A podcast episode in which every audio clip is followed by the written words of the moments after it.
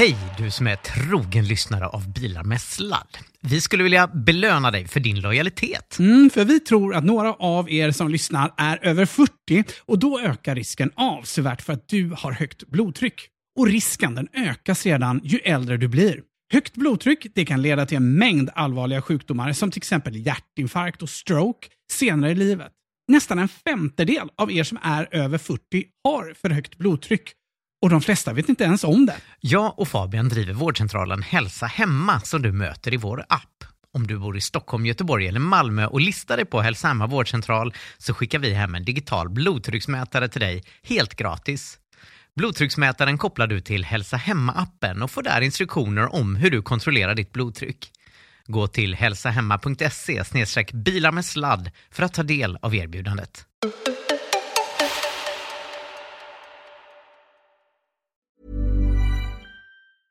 Hey, it's Paige DeSorbo from Giggly Squad. High quality fashion without the price tag. Say hello to Quince.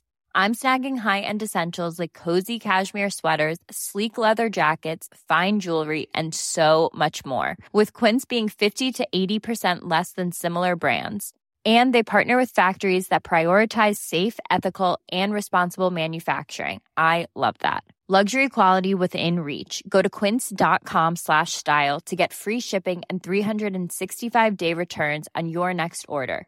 quince.com slash style. Hiring for your small business? If you're not looking for professionals on LinkedIn, you're looking in the wrong place. That's like looking for your car keys in a fish tank. LinkedIn helps you hire professionals you can't find anywhere else, even those who aren't actively searching for a new job but might be open to the perfect role. In a given month, over 70% of LinkedIn users don't even visit other leading job sites. So start looking in the right place. With LinkedIn, you can hire professionals like a professional. Post your free job on linkedin.com slash achieve today. There's never been a faster or easier way to start your weight loss journey than with PlushCare. PlushCare accepts most insurance plans and gives you online access to board-certified physicians who can prescribe FDA-approved weight loss medications like Wigovi and Zepbound for those who qualify. Take charge of your health and speak with a board-certified physician about a weight loss plan that's right for you. Get started today at plushcare.com slash weight loss. That's plushcare.com slash weight loss. plushcare.com slash weight loss. Detta program spelades in innan Teslas omfattande prissänkningar och därför stämmer inte vissa referenser till Teslas priser i programmet. Mer samtal om Teslas uppdaterade priser i nästa avsnitt.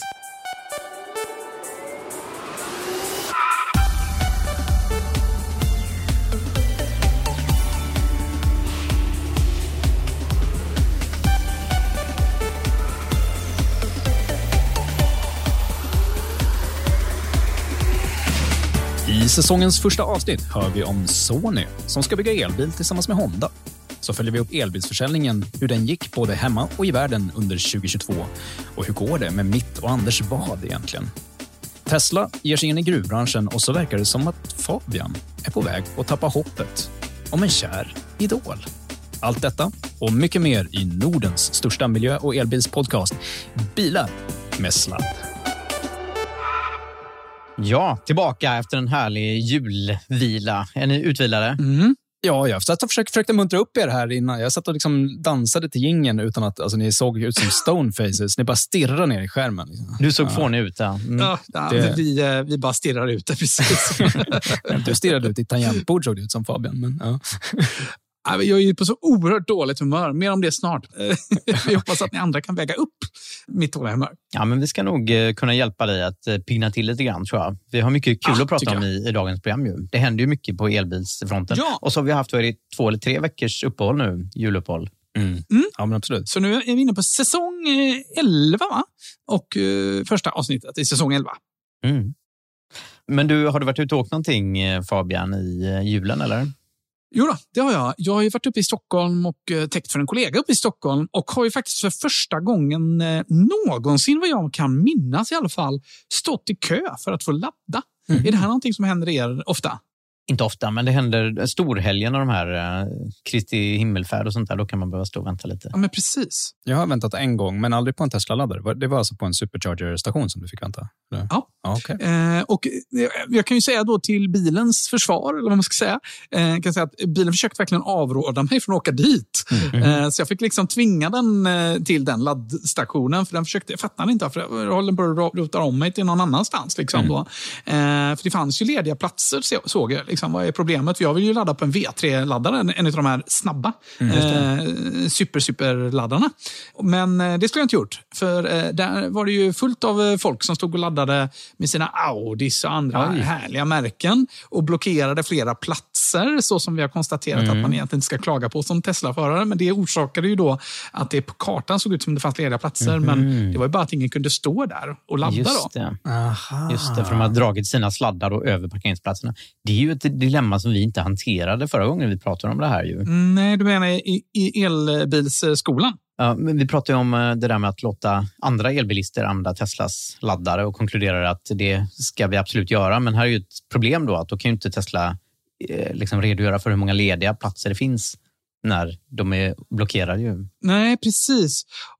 Ah, och det här med kön är ju ett jädra meck. Alltså, för det, det, det blir väldigt... Eh, vi har pratat om det tidigare, att de borde ju faktiskt kunna presentera en kö mm. eh, i då, för Audi-föraren, kanske i appen, i Tesla-appen som de har för att få igång laddningen och för oss Tesla-förare rimligen på skärmen i, liksom, eh, i mittkonsolen eller, eh, eller så, den stora eh, Tesla-skärmen. Där det står liksom, ah, men du har plats två och sen så ska du åka till den laddaren. Liksom, att de dirigerar dig. Och det, det här funkar ju väldigt, väldigt dåligt. Det var ju stor förvirring kring vem som skulle stå var och mm. vem som var i kö. Och Folk var ju tvungna att vara vid sin bil för att vara alerta. Alla var ju ganska, liksom, ingen, det var ingen otrevlig stämning, men det var ju, alla var ganska på kan jag mm. säga. Och inte ville missa sin plats. Det är ändå så att den där, liksom, för jag har stått i kö vid någon Ionity-laddare och sen så var det någon, någon laddare på, mm. på Öland i somras som, som jag fick stå och ladda, liksom, eh, köa vid. Och det, det går ju ganska snabbt som den här glada elbilssolidariteten. Liksom, den, den börjar ju späs ja. ut ganska snabbt där i laddkön mm. kan man säga. Att eh, folk blir lite mer ja. Eh, sig själv först. Liksom. Exakt. Vilken laddstation var det Fabian som du blev stående vid? Eh, jag vill säga att det var eh, någon av de här Köping. Nu alla ni som bor där, ni behöver inte mejla mig om mm. detta. Eh, för det finns en som heter Norrköping och sen finns det en som kanske heter Linköping. Då. Mm. Linköping. Så, mm. som, för Norrköping är, lyckades jag googla mig till snabbt här under tiden ni pratade att det är 150 kilowatt, så den var det inte. Så det måste vara mm. Linköping då. Okay. Mm. eh, nej, så det var stökigt måste jag säga. Eh, i, praktiken inte så lång eh, väntan. I praktiken kanske max 5-10 minuter mm. väntan. Men det kändes ju som mer kan man ju säga. Och hela den här idén med att åka till den snabba laddaren blev ju liksom lite förstörd. För jag vill ju optimera så mm. mycket som möjligt. För nu menar jag försöker jag köra, istället för att ta Ödeshög mellan Stockholm och Göteborg när jag kör. Så försöker jag istället ta, eh, mot faktiskt laddarens inrådan, så brukar jag faktiskt ta Jönköping och sen då Norrköping för att eh, fånga två eh, snabbladdare. Och då går det mycket fortare faktiskt. Jag brukar spara en halvtimme på det. Mm. Oj, oj, oj. bra. Ja, det brukar aldrig vara någon kö där, men det var det nu. Men hur borde det funka då? Borde det vara, borde det vara någon form av... Alltså jag har sett att det finns i vissa länder så det börjar komma så att man kan liksom boka sin plats på laddaren i förväg och sånt där. Hur, hur, hur, hur tycker du att det borde funka? Ska man Ska man checka in med någon form av geofencing, att man är på plats och så ska, ska appen sköta kön? Liksom, eller hur? Va, va, om du får beställa själv, hur det ska funka? Ja, det ska ju vara automatiserat så att liksom, eh, de som kör Tesla-bilar då, då vet man ju vad bilarna är och när de eh, beräknas använda så mm. kan ju den optimera ut efter det. Och de som är, eh, har Tesla-appen borde man kunna liksom, titta när de börjar närma sig också då, och ja. se hur lång tid ungefär, hur snabbt de kör och så. Så mm. det där borde ju gå att lösa. Och Det är så märkligt att Tesla har här, här har de liksom inte, de har verkligen inte lyckats engineera sig ur det här problemet, att de inte ser det här problemet. Jag undrar om det är att, att det bara uppstår eh, den här typen av situationer i Europa, att de inte ser Europamarknaden. Men det måste väl finnas köer i, i USA också, tänker jag. Mm, men det är ju så nytt. Ja, det är bara Teslorna som får ladda i USA än så länge på superladdarnätverket. Ja, så där har de inte det problemet mm. än i alla fall. Men annars kan man tänka att det skulle vara smutt om man sådär, man beställde in i appen vad man har för bil. De kunde veta mm. vart laddporten sitter och man liksom checkade in mm. att nu vill jag ladda och så utifrån en form av geofencing eller någonting i, i telefonen för ja. de som inte har Teslor eller direkt i Teslas mjukvara om man har Tesla så kunde den liksom bra, du kommer bli tilldelad den här laddaren när du kommer fram. Det. Och så är det bara där Ja. det funkar. Så då kunde de ju liksom räkna ut den optimala lösningen på det här med vart laddportarna sitter också åt oss. Liksom. Absolut. Men i och med att man ändå måste ha Teslas app för att kunna ladda på Tesla Supercharger med andra elbilar än Tesla så är det här en ganska lätt sak att göra och det kommer ju kommer garanterat göras. Det kommer bli så, det är bombis på. Det kommer göras när det här problemet uppstår i USA, tror jag. För det när det drabbar Elon, då, då, då är det ett riktigt problem. Det där känner jag ju igen för övrigt. Man kan ha hört i faggorna på Hälsa Hemma att det är något som är problematiskt. Och sen så är ju folk som, som de är. De är liksom, man, man säger till en gång och sen så kör man på och, och lever med att saker inte är optimala. Sen går jag ut och gör hembesök och upptäcker samma sak. Då bara, blir jag skitirriterad och då fixar jag ju det med en gång förstås. Och sätter mig kola på kvällen och så har jag löst de där problemen. Så det är ju väldigt, det är väldigt bra att, eh, vara i, att köra sina egna bilar om man bygger bilar och eh, eh, verkligen så här, walk the walk, talk the talk tror jag. Hur har dina helger varit då, Anders?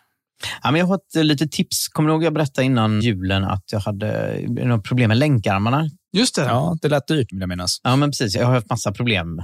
Dels så var det ju länkarmar. Då åkte jag ner till Mekonomen för jag tänkte, eh, eftersom garantin är slut så tänkte jag då, då är väl det billigt då på Mekonomen. De skulle ha 50 000 för att byta mina länkarmar. Det där känns som en sån där siffra som de bara liksom... Ja, men det, Drog ur. de ville ju inte ha jobbet, det var ju det som var grejen. Nej, nej, exakt precis. Ja, men de verkade trevliga ändå. Liksom och så där. Och jag förstår att det låter dyrt och så där, men det är, det är svårt att få tag på de här delarna. och så där.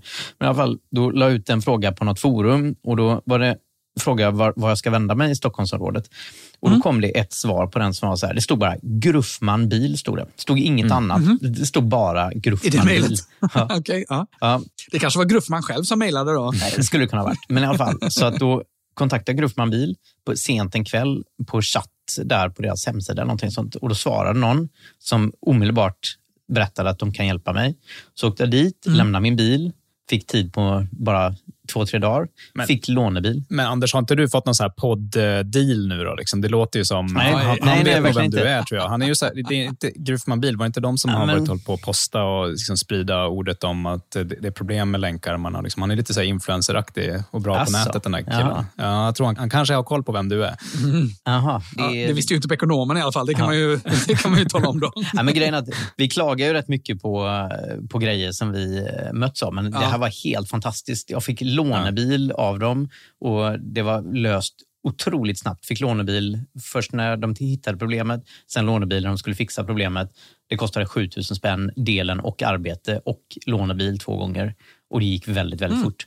Så det är världens tips. De ska jag åka till sen också. Mm. Ja, om man bor i Stockholm då. Vad sa du att du fick betala för alltihopa? Vad var det? 7000. 7000 spänn. Alltså, om, Mm. om, du, eh, om ni lyssnare får samma pris, eh, skriv och berätta. Så att vi, Ja, det, det känns som att du fick en lite specialbehandling. Eh, Det, det låter som att det är hög risk för det. det är alltså att de ska gå vinst på det där och låna ut bil till dig två gånger på så lite pengar Mm. och göra jobbet. Där. Det, det låter lite för bra för att vara sant. Eller? Ja. Men du, Anders, jag har ju gått och grunnat på det här. Va- Varför gick du inte till Tesla gjorde detta? Då? Ja, men det är så otroligt långa väntetider hos Tesla. så Ah, det är väl framförallt det. det. Mm. Och vad har vi på länkarmar? Vad är länkarmar för de som inte vet vad det är? Är det något speciellt bara för elbilar eller vad är det för något Nej, ens? det har ju alla bilar.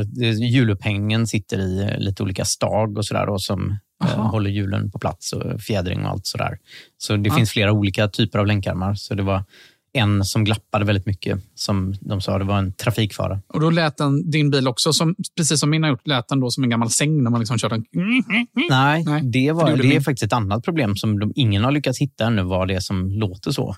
Men det, jag har det problemet Okej. att den låter som en gammal säng, men Ja. det, varken Mekonomen eller Gruffman bil har lyckats hitta det. Men det, det har jag tipsat dig om, att du, du ska låta Tesla limma de övre bärarmsbussningarna, eller vad Mm. de kallas, på, Just på. Model X. Det är det det är, Min är mm. knäpptyst som de gjorde det. Och det, var liksom, det, det är det. ingenting som är trasigt Ja. eller något som är farligt, men det är ett störigt ljud. Liksom. Så att, eh, Mm.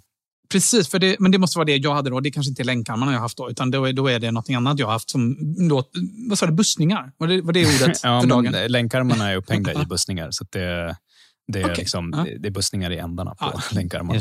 Det. Ja. Ja, för det, det problemet har jag haft två gånger då på min Mm. Model 3. Då. Dels när den kom, precis när man är helt ny, och nu då ganska nyligen. Mm. Det, var, det var inte så dyrt att fixa. Det var någon 2000 spänn och sånt bara. Det var inte så dyrt. Jag fick ju ett helt annat problem också med luftfjädringen, tror jag också berättade innan jul, Mhm. när den gick sönder. Ja, det var ju helt galet vad du skulle få betala för det. Men Ja, det var ju typ 45 000 eller någonting sånt.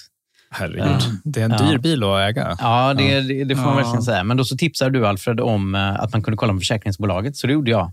Och eh, de tog hela kostnaden. Nej. Så jag betalade Ah, bara självrisk. Ja, tack för det tipset, kan jag säga. Spara mig 35 000. Ja, men, eh, grymt. Ska vi säga vilket försäkringsbolag det var också då i samma anda? Det var water Grufman. circle, sa jag. Jag vet inte om det ja, just det. Grufman. Ja. Ja. Hörrni, jag har, eh, ni vet den här tiden på året när det är så här varmt och, och skönt ute. Då är det ju kul att ha problem med värmen. Jag håller på att felsöka så mycket smartvärme. Eh, Kommer ni ihåg att jag berättade i ett, ett avsnitt? Men vadå, åtta plusgrader? Det är väl inga konstigheter? det var ju har sol i eh, Göteborg och åtta vi har- plusgrader. Vi har haft kallt och snö också under helgerna. Nu är det varmt och, och blött här, här också. Men alltså, jag, jag lovar, det finns så många... Ett problem med att ha de här smarta prylarna är att det finns så många ställen man kan felsöka. Det finns så många presumtiva, eller potentiella ställen som skulle kunna vara det som är trasigt när liksom, upplevelsen är att så här, min styvdotter, det är kallt i hennes hus. Liksom. Det är väldigt kul, Alfred, jag måste bara nämna, för att jag har ju Hue-lampor i hela huset. Ja. Och lamporna i vardagsrummet tänds med viss regelbundenhet. Och jag vet inte, jag har letat, jag har kollat Home, jag har kollat Tibber, jag har kollat Hue-appen. Det är en bugg i HomeKit tror jag. Är det där kanske? Ja. Jag, har varit, eh, jag har varit med om det tidigare också. Eh, Det har också ett sånt problem. Det finns en knapp på fjärrkontrollen till min subwoofer eller till mitt, eh, mitt soundbar-system som också triggar IR-sensorn i vår KNX-lampknapp som smart el och tänder, tänder lampan när man ska göra någonting med subwoofern. Det är så, det är så dumt. Liksom. Eh, Det är verkligen så här, och det här är liksom samma kategori. Om det hade varit ett gammalt heligt dumt system, då hade jag märkt på en gång att det var värmepumpen som var trasig. Vår alldeles nya luftvärmepump som de nu har bytt på garanti. Men just eftersom jag hade så mycket smarta prylar så tog det mig jättelång tid att märka att så här, det var inte dem det var fel på. De sköttes exemplariskt. Det var bara att jag trodde att det var dem eftersom det kändes som att så här, om, om det här krånglar och det blir varmt ibland, då borde det väl liksom rimligtvis inte vara luftvärmepumpen, utan det borde vara alla de här smarta prylarna som, och någon regel som liksom buggar. Men det var istället så att så här, när man startade värmepumpen efter att den hade varit strömlös, då funkade den. När den sen för första gången stängde av värmen, då gick den aldrig igång igen sen. Utan att man liksom bröt strömmen och började om för att det var något fel i någon eh, något relä i den där. Liksom. Och det är bara, är det är tillverkningsfel, de har bytt jättemånga så att vi fick en ny. Liksom. Men, men här, det tog ett par dagar från att jag hade hört av mig till dem efter att jag hade identifierat felet. För det, liksom, det syntes inte på den, den gav inga felkoder eller någonting. Inte förrän jag liksom installerade deras app också. Den bara, error eh, 09 eller något sånt där. Liksom. Och då äntligen fick vi det löst.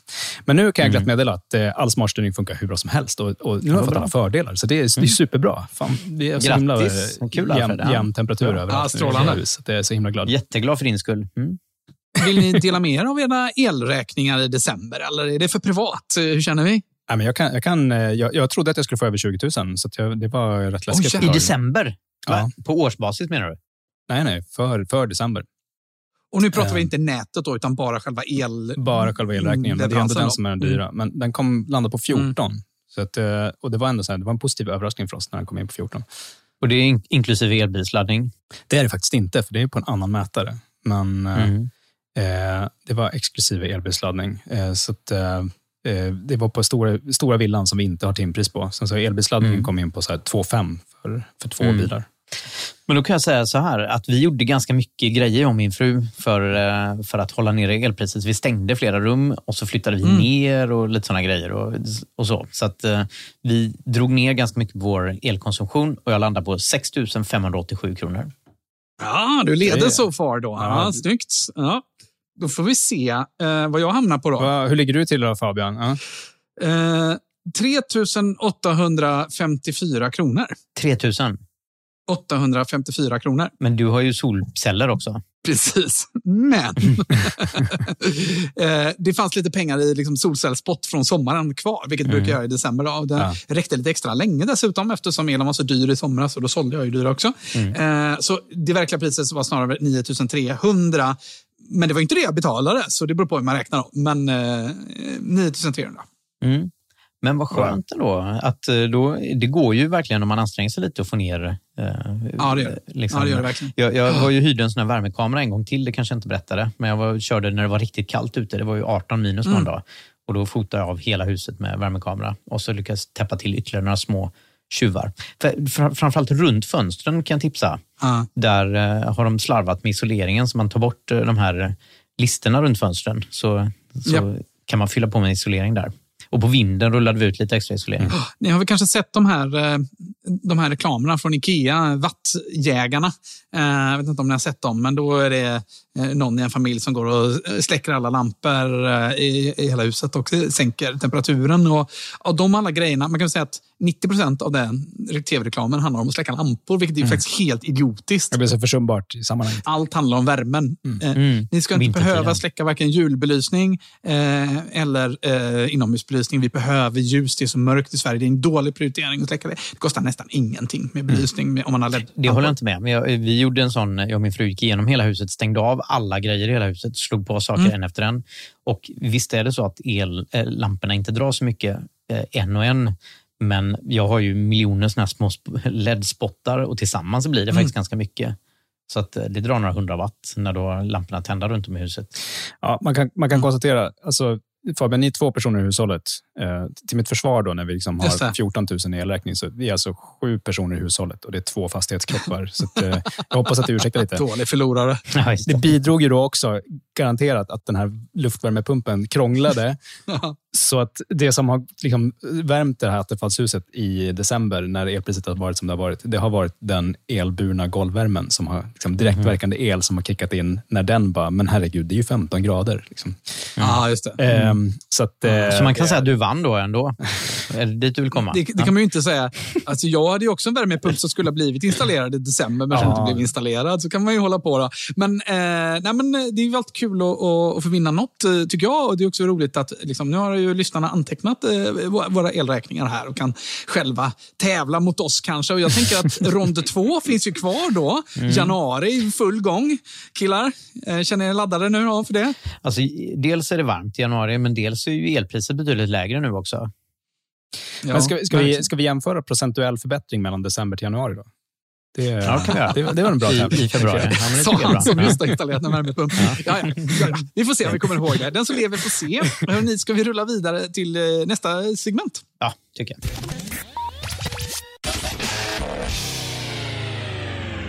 You know what really grinds my gears?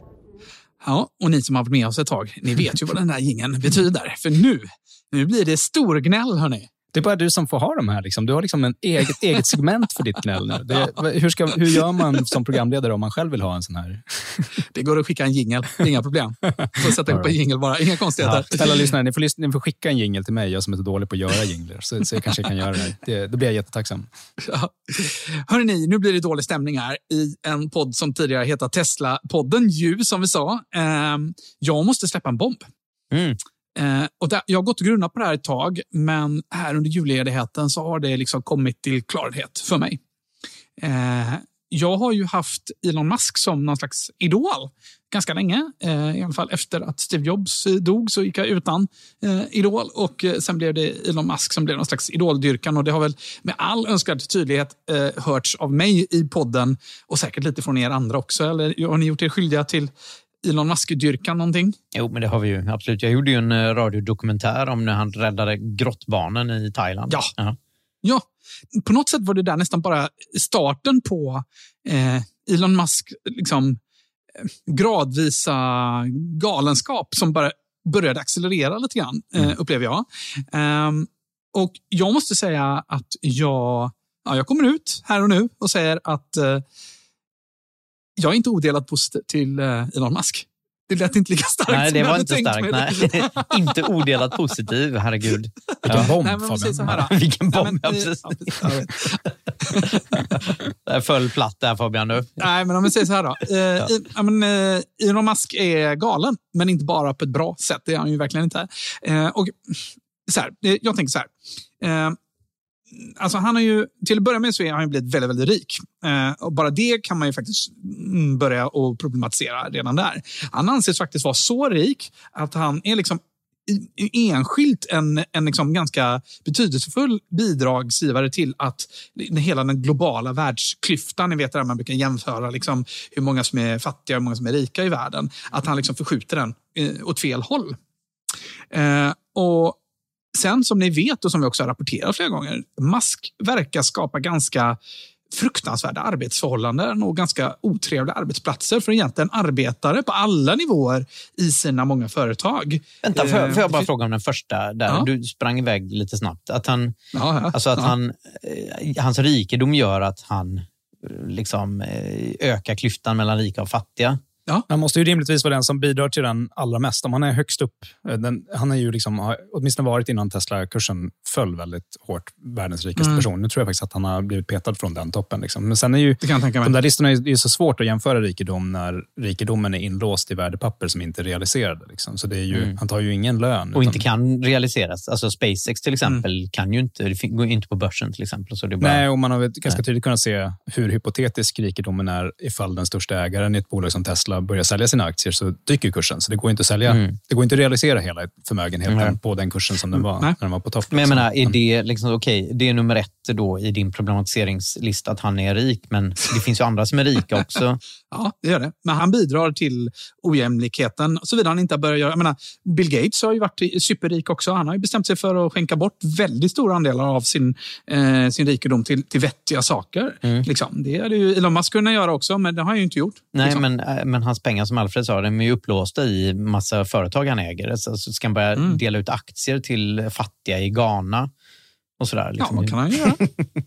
Varför ja, den tycker kunna jag var svag. Okej. Jag tyckte det var, ganska intressant när han, när han sålde aktier. Om man då liksom, jag, jag, vet inte, jag tycker vi ska låta Fabian ta sin rant innan vi, vi kommer med invändningar. Men, men om vi nu ändå var igång på invändningar. Då, så, när han sålde sina aktier eh, för Twitterköpet som på många sätt är helt galet och som har skapat mycket oreda. Eh, men när han började sälja aktier för det och han, han sålde aktier, jag tror det är något år sedan nu, liksom, när han fick mycket av den här kritiken då från just eh, alltså från liberalt håll, det vill säga i amerikansk kontext vänsterhåll eh, mot, mot Elon Musk, eh, för att han inte hade betalt skatt. Då valde han ju, i USA kan man då välja att realisera vilka, vilka specifika aktier man säljer. Eh, och då kunde han ju ha sålt aktier som hade högt anskaffningsvärde som han hade liksom fått sent för att få minimera skatten. Och istället valde han att sälja aktier som han hade eh, fått väldigt tidigt med väldigt lågt anskaffningsvärde. Vilket då ledde till att han betalade mer skatt än han var tvungen till. Just för att själva poängen var ju att han ville liksom, eh, ja, men, döda argumentet att han inte bidrar. Liksom. Men det gjordes ju också efter att det påpekades ganska eh, eh, verbalt från alla möjliga håll. Eller hur? Det var inte så att han gjorde det spontant. Det är ju ingen som har tvingat Bill Gates, vad jag vet, att börja skänka bort stora delar av sin... Det, det verkar ju ändå komma från han och Melinda, de är väl skilda nu, men, eh, men det verkar ju liksom komma inifrån på ett annat sätt. så. Ja, det, efter pension på något sätt. Så att, eh, Elon Musk, man kan, ju inte, man kan beskylla honom för mycket, men han är ju inte pensionerad direkt. I alla fall. Det, Nej, Nej. nej. det är sant. Det är sant. Eh, Musk verkar ju skapa ganska otrevliga arbetsplatser som sagt. Eh, och egentligen för inte bara för arbetare på, på golvet, men kanske mest för dem känns det nästan som. De är i alla fall flest. Eh, han är emot fackföreningar och eh, har liksom verbalt uttalat sig mot eh, eh, fackföreningar, vilket för oss i svensk kontext är lite märkligt. Liksom. Eh, där liksom fackföreningarna är en viktig del. Nu ska man veta att det är en annorlunda, eh, alltså det fungerar ju annorlunda i USA, men fackföreningar gör ju ett viktigt jobb även i, i, i USA. Men Musk verkar liksom snarast tycka att de är någon slags maffia som ska motarbetas. Liksom, så. Men det är många som inte gillar fackföreningar i Sverige också. Det, Ja, Alltså, ja men så är det. Så är det. jag vet inte, om, om man ska kategorisera folk som go, god och ond så tycker jag den är svag också. Nu tycker jag alla dina argument har varit svaga så här långt. Det är därför du är här, Anders. Ja, för att ja. säga emot. Ja. Ehm, men ehm, man kan väl ändå konstatera att eh, det är inte så många som orkar jobba länge på hög nivå i hans bolag. Vi har ju Så det. intervjuat en av dem, eh, ju. Mm. Eh, Peter Karlsson, ju, liksom, jobbade väl i tre år eller något sånt där. Eller vad de där optionerna kanske kan ha varit Mm. liksom, goda för. Jag läste en intervju med honom. Han, han har ju fått alltså, best, alltså, eh, verkligen bestående stressrelaterad fysisk skada av den tiden. Mm. Liksom han, Mm. han, har, ja. eh, han är fysiskt påverkad säger- av hur hårt... Det säger en del Ja. om hur hårt arbete det är. Liksom. Så att, eh, Ja, Ja. Han har ju kapacitet den mannen, bevisligen kan man säga. Han Mm. startade ju Northvolt för, för er lyssnare som inte är bekanta med Peter Karlsson. Mm. Och sen har vi ju hela den här historien med kryptomarknaden där Tesla köpte eh, eh, krypto och sen var det twittrande om Dogecoin och fram och tillbaka och, och allting slutade med att det gick väldigt bra för eh, de aktier som, som Tesla då köpte. Och, eh, och så. Så det, han blev ju beskylld för att ha liksom manipulerat kryptomarknaden under en period. Mm. Och det gjorde han ju också, bevisligen. Alltså, Mm. han, det var ju manipulation när han är så stor. Här är det inte försvar då. Nej, nej. Nej, nej, det var inte. Här håller jag med dig. Det, det, Ja. och de här grejerna med Twitter och allting som... Det är helt vansinnigt. Ja. Vi kan ju lägga in, liksom, vi kan ju slänga in här också eh, de här eh, twittrandet han gjorde om Tesla-aktien att det skulle säljas för 420 och, och funding secured. Och så var det inte så. Och så blev det en lång historia med, vad heter de här Finansinspektionen, SCC eller vad de heter i eh, USA som, som granskade detta. Och eh, det slutade väl med att han i princip inte får säga vissa saker på Twitter tror jag det kom fram till. Mm -hmm. alltså, han var tvungen att lämna ifrån sig ordförandeskapet i Tesla, eh, var ju deras uppgörelse. Och eh, styrelsen var tvungen att liksom, i, i förhand godkänna saker han skulle skriva. Eh, yep. Och sen så har ju där spelat ut sin roll och han har ju liksom, som, för att visa fler symptom på att vara rättshaverist så har han ju liksom gjort det till en sak att driva eh, ställa det på sin spets vad de får reglera och inte med hur man får uttrycka sig på Twitter. För det, alltså, det de kontrollerar är just hur noterade bolag gör marknadskommunikation. Och man kan säga att Twitter och sociala medier kanske ställer på, en helt ny, på ett helt nytt sätt det, frågan på sin spets. Vad är det man som företagsledare i så fall får säga och inte säga offentligt? Eh, mm. Och där, där gör ju han det verkligen till en, till, till en sak att eh, liksom driva den fronten. Och han tycker uppenbarligen att man ska få säga i princip vad som helst, eh, även om det är marknadspåverkande. Liksom. Precis. Vi kommer dit, apropå den här liksom free speech-ivraren som han ändå menar att han är. Då. Mm. Eh, vi, vi, kan också slänga in Martin Eberhard. Vet ni vem det är? Mm, Teslas ursprungliga grundare, en av dem. Ja, precis. Alltså, Elon Musk var faktiskt inte Teslas ursprungliga grundare, utan det var Martin Eberhard som blev ganska eh, skickligt bortkollrad och bortmanövrerad rätt tidigt i bolaget. Och eh, det var en lång och infekterad strid om vem som egentligen var grundare. Och det hela slutade med att de får inte prata skit om varandra, det där mm. överenskommelsen, eh, Elon Musk och Martin Eberhard. Men även om Musk har faktiskt närmat sig skitsnack ändå vid något tillfälle. Och ut det som, test, som, som Elon Musk fick då, det var att han fick grundar status eh, i utbyte i den eh, uppgörelsen. Då. Eh, så på många sätt kan man säga att eh, Elon Musk, som ju är mer eller mindre lika med Tesla idag, eh, han var nog inte Teslas grundare. Han är det ju formellt. Då. Men tittar man i Wikipedia så ser man under Tesla att Martin Eberhard ligger över eh, Elon Musk i, bland de som är grund, anses vara grundare. Idag. Mm. Det finns en del oberoende röster, så det är inte bara så att det är liksom två partsinlagor. Och det, är det är verkligen så att eh, det är tydligt att Eberhard fattade en del väldigt konstiga beslut och att eh, det inte hade kunnat gå bra för Tesla om eh, det inte är så att Elon Musk hade varit där och räddat det. Och han, hade också, mm. han var väldigt, väldigt viktig finansiär redan från början. Sen så var det en fråga om vem som skulle vara operativ, vem som skulle vara, var liksom högsta hönset, vem som skulle vara vd. Och han var, mm. Precis som han har haft mm. egentligen som inställning i andra bolag som han har engagerat sig i, så har han liksom inte, inte velat vara vd för att vara vds skull. Liksom, men han var ju engagerad i bolaget redan liksom från början. Och, eh, drivande mm. att kunna kommersialisera och få, få Tesla Motors som det heter att funka. Liksom. Så att, eh, inte, den här tycker jag nog är ganska svag. Ja, men det var en konflikt där. Det, varit, um... det här tycker jag är svag just för att, för att Eberhard, det, det är så lätt att bara, jaha, så han var inte grundare, det är bara någonting som är påklistrat. Mm. Så här, där är det så här, kollar man upp, går man till botten med den historien så är det verkligen så att, okej, okay, det fanns flera grundare till det här bolaget. Elon var en tidig liksom, finansiär som var helt instrumentell och avgörande för att de skulle lyckas. Och när den, den initiala vdn höll på att köra bolaget i skiten så klev han in och räddade det. Liksom. Så, att, eh, ja. så är det. Det, det, är jag faktiskt inte mycket för. Ja, och allt i princip det vi känner med Tesla är ju faktiskt sen liksom post Elon Musk-tid i det bolaget. Då. Mm. Han håller ju på att avla barn till höger och vänster nu och är offentlig med att så här, det stora problemet är att det finns för få människor liksom, för vår expansion ut i universum. Att det, det, står, det är liksom bristen mm. på människor, att han tar sitt ansvar för att avla så många barn som möjligt. Liksom. Så att, eh, och då måste man ha många fruar också? ja, ja. Alltså, han har ju ja. fått barn med, med, kvinnor som han inte är ihop med. Liksom, eller sam, liksom, alltså, han har ju barn med flera olika kvinnor samtidigt nu. Det är, det är verkligen så här, riktigt bananas. Mm. Mm. Nej, men det är ju kast. Han har blivit beskylld för det, men det är ju, det är ju lite samma. Han förtrycker kollegor och, och sådär också. Han är ju en förtryckartyp. Alltså. Mm. mm. så är det. det blir liksom, allt, allt, alla de där grejerna gör ju att det blir extra kladdigt när det sen helt plötsligt kommer anklagelser om att typ, eh, en av flygvärdinnorna på privatjetten har anklagat honom för sexuella ja. övergrepp och så vidare. För då är det så här, Ja, det känns som att det blir lite mer plausibelt. att hon, När det blir ord mot ord situationer så blir det mer plausibelt. Mm. Men han är uppenbarligen helt galen i andra privatrelationer. Ja.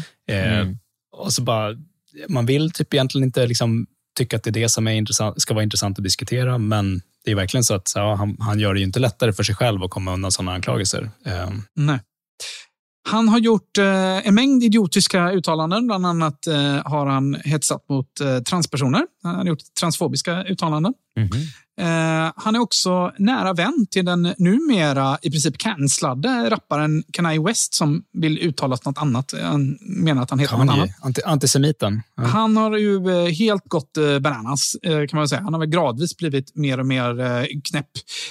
Men Musk har ju då ganska länge, det är väl ganska tydligt för mig i alla fall, att han har varit knäpp länge.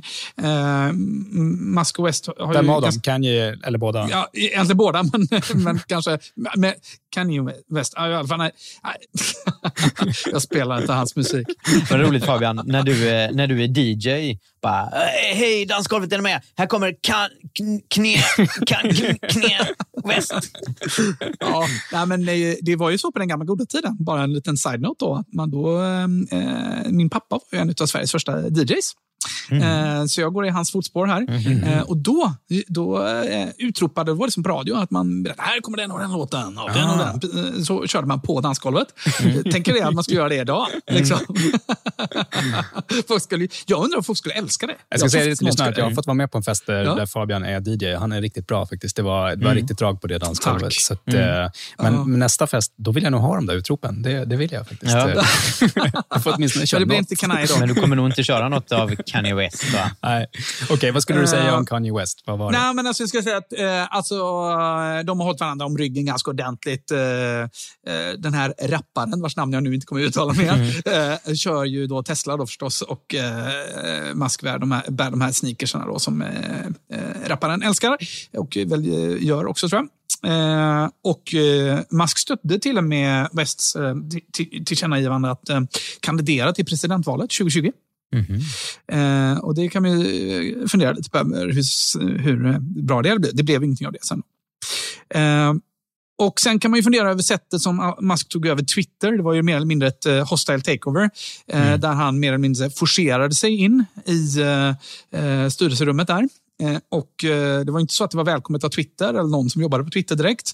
Och eh, Sen kan man ju verkligen undra över hela hans ganska naiva inställning till yttrandefrihet. Eh, Min take på det är att det är toppen att säga saker mycket och ofta och det ska folk få göra. Men det finns gränser. Eh, därför att liksom, yttrandefriheten har en förmåga att liksom utplåna sig själv annars i praktiken när det liksom blir ett för hetskt klimat. Så då står man och skriker på varandra istället för att prata. Han släppte väl in eh, Trump eh, ganska tidigt där också väl? Ja. För Trump Ja, hade ju blivit kickad Trump- från Twitter. Ja, han har ju nu då sin egna plattform Trump då, så att, eh, han har ju faktiskt inte kommit tillbaka till Twitter, men det kanske händer så småningom. Eh, där det började liksom på riktigt börja bli droppen som rinner över, det var väl när Musk började uttala sig om Ukraina-kriget. Eh, man kan väl säga att eh, om man nu inte tar i så kan man säga att han minst sagt i alla fall kan beskrivas som oinsatt och naiv när liksom ett, ett land invaderar ett annat och hans kommentar är typ vi kan väl mötas halvvägs så att Ryssland får en del av Ukraina. Mm. Det reagerar också på. Alltså, det är så jävla puckat att ge sig in i, i, i krig. Liksom. Varför? Har ni, har ni noterat, eh, för liksom, just för att han pratar så mycket om alla de här grejerna och uppenbarligen så här, utan egentligen självbevarelsedrift eller hänsyn till att eh, det kan skada intressen som man har eller bolag som man har, ger sig in Mm. i ganska infekterade debatter där han uppenbarligen kommer skaffa sig fiender. Liksom, ha, uttrycker man en åsikt i de här frågorna så kommer någon börja tycka sämre om en eh, än, än, än innan. Liksom. Men har ni märkt hur tyst han är om allt som har med Kina att göra? Där, den självbevarelsedriften har han verkligen. Det är, liksom, det är en talande tystnad i allt som har Ah. kring kritik av Kina. Eller liksom, Har han inte lite avtal kanske till och med om det med, med kinesiska Jo, men det staten? tror jag verkligen. Det tar jag nästan för givet med tanke Mm. på att Tesla är liksom första utländska biltillverkare som får ha ett helägt dotterbolag i Kina utan att det ska finnas eh, Ja. kinesiska medborgare med, eh, eller att det ska finnas kinesiska bolag med i bilden. Det måste nästan Mm. vara det. För det liksom, man kan se ibland på konferenser och andra så här liveintervjuer som sker med honom, så får han sådana frågor som liksom, där, där han måste liksom Ja. verkligen tänka sig för hur han ska svara och sen så väljer han alltid att inte uttala sig, vilket blir så talande i jämförelse Mhm. då just med de här andra frågorna där han uppenbarligen liksom uttalar sig utan att det finns någon som helst anledning att han egentligen behöver ha en åsikt om någonting, så, så har han det ändå. Liksom. Just det. Just det, ja, det, det har du rätt i. Ehm, och nu kommer vi till punkten som fick bägaren att rinna över för mig här för ett tag sedan. Och Det var när han började sprida desinformation om covid-19. Det är ju min domän också då, förstås. Då. Eh, och han har ju anklagats för att ha dessutom utsatt Tesla-arbetare för covid-19 Eh, han trotsade statliga order eh, och återöppnade eh, Fremont, då, eh, Tesla-fabriken i Kalifornien. Eh, trots att eh, staten då hade eh, stängt ner fabriken. Eh, och han höll senare ansvarig för ett utbrott av just coronaviruset under en ganska känslig fas i pandemin eh, på anläggningen. Eh, men istället för att liksom be om ursäkt eller ta på sig det så, så stämde han då, eh, jag tror att det kan vara eh, den ja, eh, kaliforniska staten han stämde. Då. Sen drog han tillbaka den stämningen, men det var liksom det som hände. Då. Och min känsla här är liksom att Musk alltmer håller på att bli en Trump. Liksom. Eh, han har liksom en trogen skara med mer eller mindre religiös, religiösa följare som står ut med all skit han håller på med för att han också gör saker som eh, skaran som följer honom gillar. Mm. Eh, man hör ju ofta eh, Trump-supporters säga det, de är ofta religiösa. De är inte så där jättesugna på uttalanden som eh, “take them by the pussy” och sådär. Eh, och då brukar man ofta höra från den religiösa högen säga ah, “jag gillar inte liksom, de uttalanden han gör, men han gör bra saker och han är bra för USA”. Eh, och så går man och röstar på Trump. Man brukar falla in i what, whataboutism, liksom, att man, man ursäktar det med något Mm. annat eller tänker på att ja, men de andra sidan Ja. är minst lika dåliga. Liksom. brukar ju vara den Just. vanligaste försvarsreflexen. Sen har det ju framkommit då, Musk då som för mig var, eh, alltså jag tog det för givet att han var demokrat, måste jag säga, väldigt länge. Eh, och att liksom, jag menar, hans miljöengagemang och hans liksom, vettiga ställningstagande. Så har det liksom bara sakta glidit över till att bli ett, ett riktigt jävla högerspöke liksom, av honom. Och numera är det ju tydligt, han säger ju det rakt ut, att han är republikan. Eh, vilket jag då som svensk har väldigt svårt att acceptera, måste jag säga. För det, allt det som republikanerna står för. Men är du så insatt i amerikansk politik verkligen? Alltså att du kan bedöma det? Jag känner inte att jag själv kan bedöma skillnaden på liberaler och demokrater mer. Det är lätt att tycka illa om republikaner för att Trump var republikan. Men eh, det finns ju andra historiska presidenter. Nej, nej, men jag är, jag är ganska insatt i amerikansk politik. Jag tror det som man som svensk behöver liksom komma ihåg är vad som är, vad är det som gör att han... Liksom, som svensk så blir det lätt att man tänker så här, ja, republikanerna är de som är emot att stoppa klimatförändringarna, de- demokraterna är för. Republikanerna är de som är emot rättigheter och skydd för, för arbetare, det är demokraterna som är för fackföreningar och så vidare. Eh, det som jag tror att Musk är framför... Abortfrågan, missa inte abortfrågan. Det är en ganska viktig Mm. Ja. het Jo, men även abortfrågan så är det liksom ändå så här, det, det är ju Trumps tillsatta eh, HD-domare som liksom han har gjort för att blidka den kristna högern som, som har liksom gjort abortfrågan till, en, till en, en grej nu. Egentligen så är ju majoriteten av även de republikanska vä- väljarna för abort. Så det, det ska bli intressant att se vart den frågan tar vägen. För det, det är ju egentligen... Ja, där, det där, riskerar är liksom- i... i eh, hur, ja, hur, vad som har hänt i amerikansk Mm. politik, det, det stämmer liksom inte överens med hur den generella opinionen är. Men det jag tror att är. Musk är eh, mer än om han, han är republikan eller demokrat, är att han är liksom libertarian. Jag tror det är den här big government versus Mm. small government som är den stora drivande faktorn för honom i vart han väljer att sortera in sig. Då hade han ju kunnat välja att vara libertariansk. Det finns ju faktiskt ett stort tredje parti. Det är ju inte mäter sig inte med Demokraterna och Republikanerna, men det finns ju libertarianer. Han hade kunnat välja att Ja. tillhöra det lägret då. Ja, men det, det, det är ju liksom ett av problemen med det amerikanska politiska systemet, att det går liksom inte riktigt egentligen att vara en tredje kraft. utan Man måste, lite som vi får i Mm. svensk blockpolitik också, att man får liksom välja vilken sida det är som man tycker minst illa om. Då, liksom. och, Mm. jag, så jag, jag, säger, jag vill inte försvara det, för jag är verkligen inte libertarian. Men, men jag tror att det är någonstans, han, han har varit väldigt liksom, uttalat kritisk mot att lagstiftning inte har ett automatiskt bäst före-datum. Man tycker att alla regleringar ska liksom upphäva sig själv, så det måste vara ett aktivt beslut, politiskt beslut att behålla regleringar. Annars så får man bara liksom ett större större lapptäcke av regleringar, har liksom varit hans poäng. Och det är väldigt ett sånt här tydligt eh, big government-argument, vilket då liksom blir, i synnerhet som jag tror att han är ganska sur över hur eh, den demokratiska sidan av politiken har totalt utlämnat Tesla ur allt vad gäller att ge cred för elbilstillverkning och omställning. Ja, Just det är på grund av, faktiskt. och det är ju Ja. på grund av fackföreningsgrejen. För att Joe Biden Ah, är ju en gammal det är det. fackföreningskille. Liksom. Han, hela hans det. kärnväljare i Pennsylvania, de är liksom ur United Automobile Workers och fackföreningsrörelsen. Så de är anti-Tesla för att Tesla är anti-fack. Och då blir den demokratiska regeringen anti-Tesla och Elon Musk och ger inte dem någon cred för elbilsomställningen. Och det är Musk skitsur för och så håller han på. Och därför liksom är small Ah. government och republikan. Så det, det är hur jag tror liksom att gången är på den här.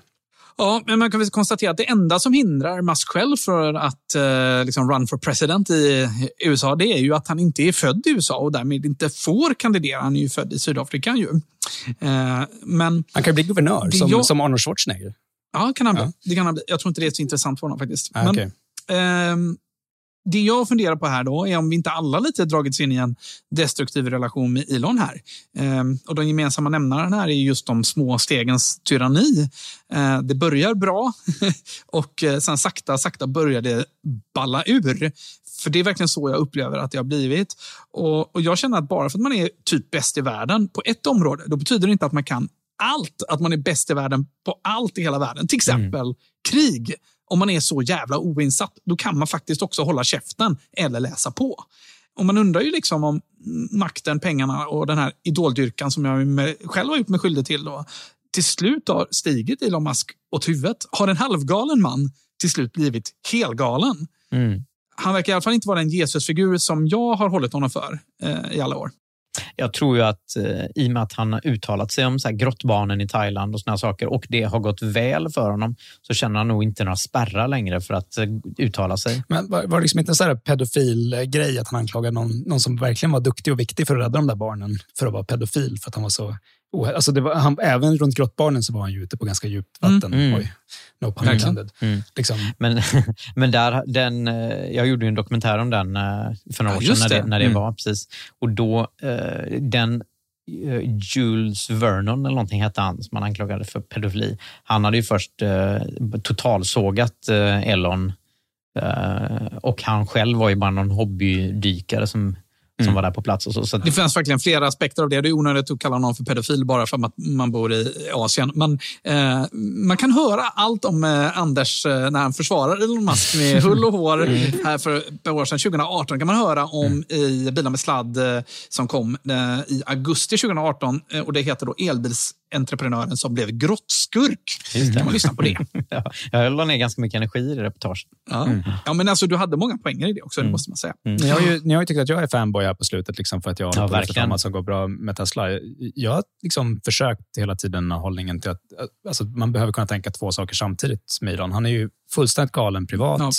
Eh, jag tycker, som journalist speciellt så tycker jag han har en väldigt naiv inställning kring yttrandefrihet. Jag sympatiserar inte alls med hans liksom, libertarianska politiska hållning och det finns jättemycket som jag tycker är hemskt med hur han verkar liksom se på faderskap, familjeliv och hur han behandlar sina kvinnor. Och mm. Jag har ingen aning om alla anklagelser som finns runt liksom att han är sexual predator och så vidare. Men det, här, det som är intressant är att det kollektiva och samhällsdiskursen är alltid väldigt enögd. Det är antingen att han är Jesus eller att han är djävulen. Mm. Och jag tycker man kan, mm. Det går alldeles utmärkt att han är en superskicklig ingenjör. Gud vad jag känner att jag just gjorde mig skyldig till det. Men, mm. han, han, liksom, jag, jag, tänker hela tiden att han är jätteduktig, eh, han är jätteduktig på att liksom, driva produktinnovation och att bygga väldigt framgångsrika kommersiella bolag runt det. Och hade, man inte, hade han inte gjort det med Tesla så tror jag att elbilsomställningen har tagit jättemycket längre tid. Jag tycker att det verkligen mm. finns mycket som talar för att SpaceX är precis samma exempel exempel på hur han skapar mm. något fantastiskt. Eh, han gjorde ju det med Paypal, och liksom, eller X.com som det kallades innan han slog ihop mm. med Paypal. Och så här, han har ju en lång rad sådana framgångsrika liksom, bolag bakom sig som har skapat väldigt mycket värde och bra grejer för folk. Och Samtidigt så har han också en jäkla massa fiender för att han är mm. privat mm. bara en skitstövel som har jättemycket konstiga ideal och åsikter. Och Han är på jättedjupt vatten nu i svinmånga liksom, diskussioner. Mm. Men det måste ju inte vara att allt han gör är dåligt och allt, eller att allt han gör är bra. Det kan ju vara både och. Liksom. Men hur mycket av detta tror ni är Elon Musks märkliga sinne för humor? Jag menar, hela Twitterköpet tycks ju nästan varit ett skämt som ballade ur. Ja, och mm. där, jag, där tycker jag det är så himla konstigt hur, hur eh, det beskrivs och bevakas av media. Det, det beskrivs ju verkligen som att han, ja, men först hostile takeover och sen så liksom, när han inte eh, fick köpa det så ville han och sen så när han fick köpa det så ville han inte och han försökte ta sig ur det på alla mm. sätt. Eh, så att han liksom förstörde bolaget genom att han egentligen inte vill ha det.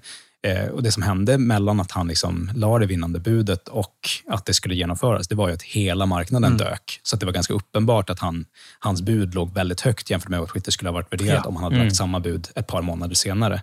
Och det mm. tycker jag var ganska tydligt att det var därför han försökte ta sig ur köpet. Han försökte omförhandla ja, prislappen. Liksom. Om han hade kunnat Visst. häva avtalet då hade han kunnat behandla, liksom förhandla fram en ny prislapp. Nu, nu lyckades han inte med det, utan han blev tvungen att stå för den tidigare prislappen. Och Då är det också ganska naturligt att han tycker att han overpaid liksom, när han till slut kom in. Mm.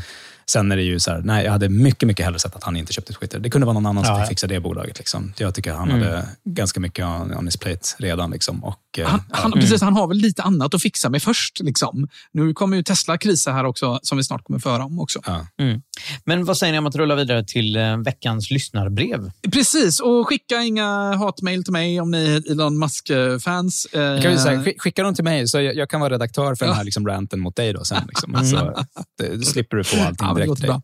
Ja, men Jag tyckte det tål, efter alla år av idoldyrkan av Elon Musk så krävdes det faktiskt lite problematisering kring den personen. Faktiskt. Och nu har vi gjort det. Man kanske ska problematisera det här med idoldyrkan lite grann generellt. Kanske. Mm. Nej, det verkar, det verkar onödigt. Nu går vi till lyssnarbrev. Ja, vi tar lyssnarbrevet. Cool fact a crocodile can't stick out its tongue. Also, you can get health insurance for a month or just under a year in some states. United Healthcare short term insurance plans, underwritten by Golden Rule Insurance Company, offer flexible, budget friendly coverage for you. Learn more at uh1.com. Hiring for your small business? If you're not looking for professionals on LinkedIn, you're looking in the wrong place. That's like looking for your car keys in a fish tank. LinkedIn helps you hire professionals you can't find anywhere else, even those who aren't actively searching for a new job but might be open to the perfect role. In a given month, over 70% of LinkedIn users don't even visit other leading job sites. So start looking in the right place. With LinkedIn, you can hire professionals like a professional. Post your free job on linkedin.com slash achieve today. Allt fler så kallade vanliga människor vill ge sig ut i internetvärlden. Stand by to receive our transmission. You've got mail. Och då har Arvid Brogren skrivit till oss och han skriver så här.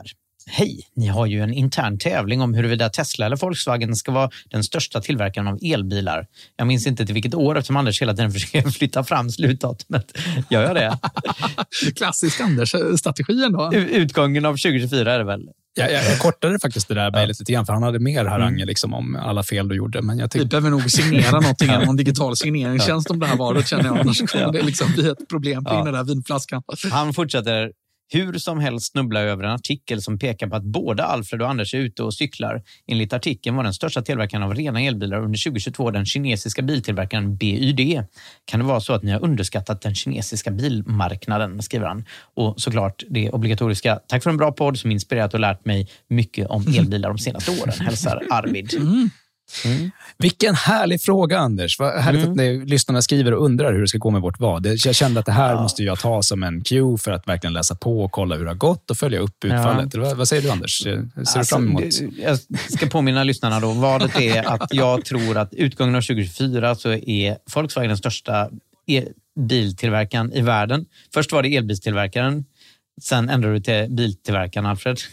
Och eh, du tror Tesla. Ja, sen så Mm. för att i en akt av eh, generositet så ändrade jag Mm. till att det ska vara största tillverkaren hela, Mm. helt och hållet. Och Det kommer jag nog få äta upp, för det kommer det tidigast Ja. bli något år senare. tror jag. Så att, eh, Alltså problemet är att jag har ju sett lite av de här siffrorna. Jag försöker att inte titta på det för att eh, det, jag mår dåligt. Liksom. Men det är sjukt vad Tesla levererar mycket mer än vad jag trodde de skulle göra. Och Volkswagen Ja, men inte är- min jävla bil. Den kan de inte leverera. Säkert inte innan årsskiftet. Utan, Nej. eh, jag vet inte ens när jag ska få den.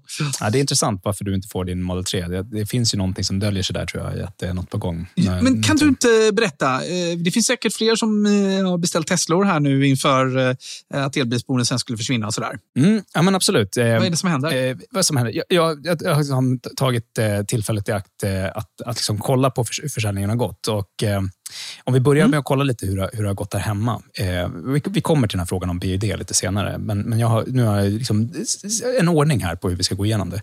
Bear Och- with me. Ja, mm, jag förstår. om man börjar titta på Sverige så är det faktiskt, eh, om man ska kolla på de bara rakt av objektivt bra grejerna som man bara kan glädjas åt, så är det så att för 2022 så var andelen elbilar som såldes i Sverige uppe på 31 procent för helåret. Vilket ju, Nya som- bilar, jättefint. Nice. Ny, Ja. av 31 procent av alla nya bilar är elbilar. Och Mm. faktum är att under december så var vi till och med uppe och snuddade på 50 gränsen Så I december så var alltså Ah. nästan varannan bil som såldes en ren elbil. Vilket känns... Ja, men det, är här, det är inte länge sedan som det kändes helt ouppnåeligt i Sverige och att man bara Mm. sneglade på och att det var fantastiskt att det kunde ske i Norge. Men nu är vi alltså där Mm. i Sverige också. Mm. Sen återstår det såklart att se vad som kommer hända nu med klimatbonus och allting när det har försvunnit. För det, nu levereras det Ja. ju jättemycket bilar. Äh. Som, det blev ju en försäljningsrush. Liksom där. Eh, kanske att det faktiskt är bra för liksom, framtida försäljningen att den kom så himla plötsligt när den nya regeringen tog bort den hux flux. För att det, liksom, jag kan tänka mig att det fanns många som kanske hade skyndat sig att komma till beslut om de hade fått Mm. no, något längre på sig som inte han gör det Ja. nu. Liksom. Vi får se.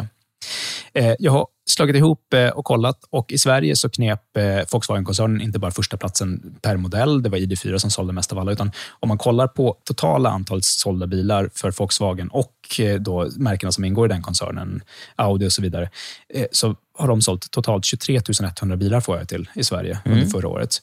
Och faktum är att Volvo spurtade och de såg ju ut att inte alls gå bra under tidigt på året, men de spurtade och kom tvåa med 11 755 mm. rena elbilar. Det är ändå Oj. lyfta på ja, det var bra. Jag såg uh att det var mycket leveranser på slutet av året av eh, Volvo.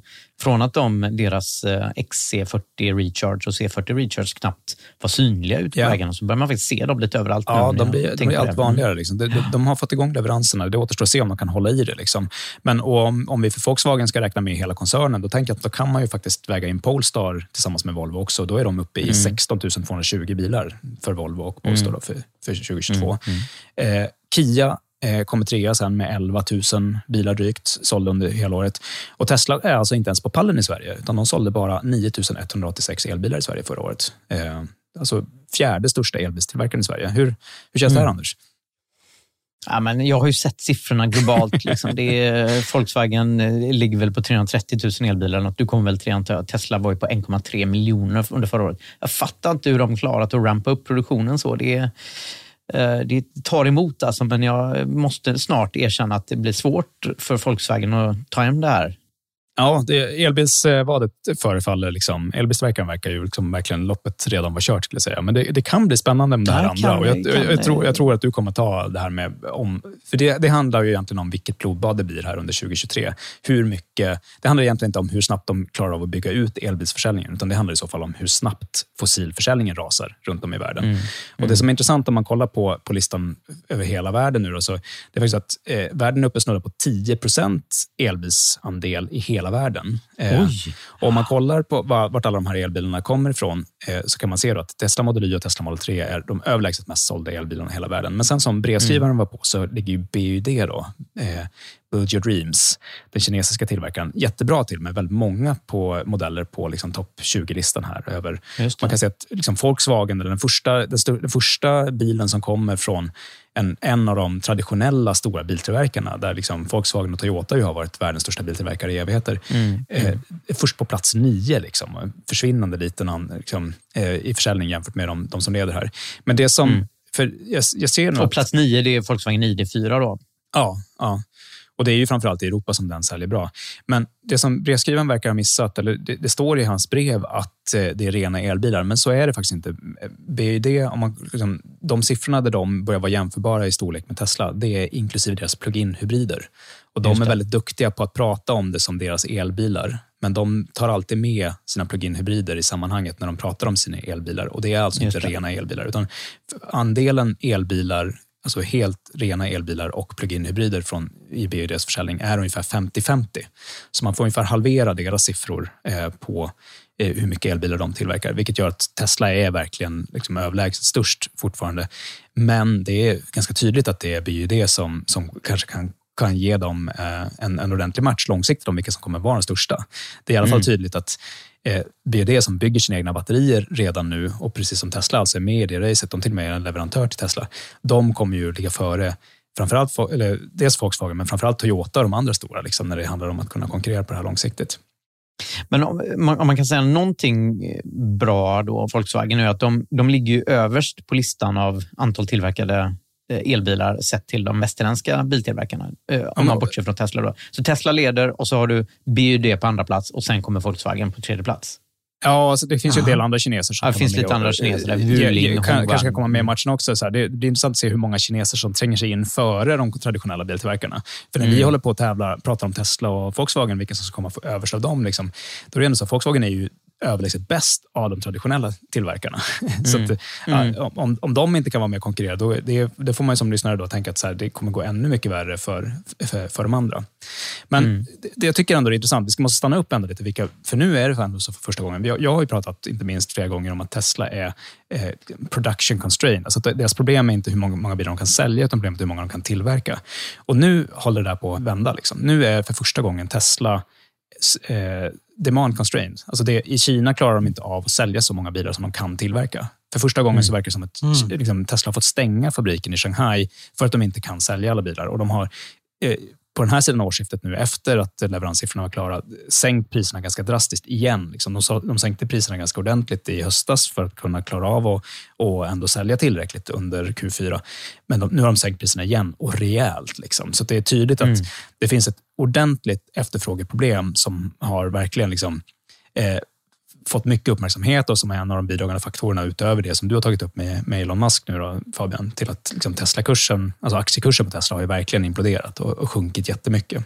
Ja. Och även, även i väst har Tesla fått liksom rabattera bilarna i USA ganska mycket för att det, kommer nya... Om, om vi tar bort elbilsbonusen här i, i, i Sverige så det, nu kommer ju massa subventioner då i USA och det har gjort att folk har velat vänta med att köpa sina bilar till 2023 för att det är då de får massa rabatt, eller eh, subventioner. Och det har gjort att Tesla har varit tvungen att rabattera bilarna för att få ut dem innan årsskiftet där. Eh, men jag tror ändå, det som jag tycker är intressant här, för det har varit väldigt mycket uppmärksamhet kring de här problemen för Tesla, har jag upplevt i alla fall i finanspress och så vidare. Just eftersom Tesla har varit så högt värderat så får den aktien väldigt, väldigt mycket uppmärksamhet kring, från analytiker och bedömare. Eh, och Det är liksom inte bara nattmörker, för det går väldigt bra i Europa. Jag tror att anledningen till varför det har gått sämre i Sverige för Tesla i år, det är främst att Norge, de har precis tagit bort momsfriheten för dyra elbilar. Så där fanns den här ruschen att de var tvungna att leverera jättemycket bilar innan årsskiftet. Så jag tror att ganska många av de Teslorna som annars hade hamnat i Sverige, kanske din bil Fabian till exempel, eh, har istället gått till Norge. Det har inte gått så många Model 3 till Norge dock, så det, det, det, det ger vid handen att det är något annat. Att de inte vill sälja Model 3 i Europa eftersom de bygger Model Y i Europa nu, som gärna vill pusha folk till det. Eller att det är en update på Model 3 på gång. Det, det ryktas ju om det, att det är därför de liksom inte tillverkar så många Model 3 nu helt enkelt, för att de är på gång att ställa om. Eh, Men Model Y blev alltså Norges mest sålda bil, alla kategorier. De slog eh, till och med ett gammalt rekord som, ni vet den här klassiska bubblan som Volkswagen byggde. Den har liksom Ja. sedan 1969 haft ett rekord på hur många man, bilar man kan sälja på ett år. Och det slog Tesla Model Y i år. liksom. Så att, eh, Ja.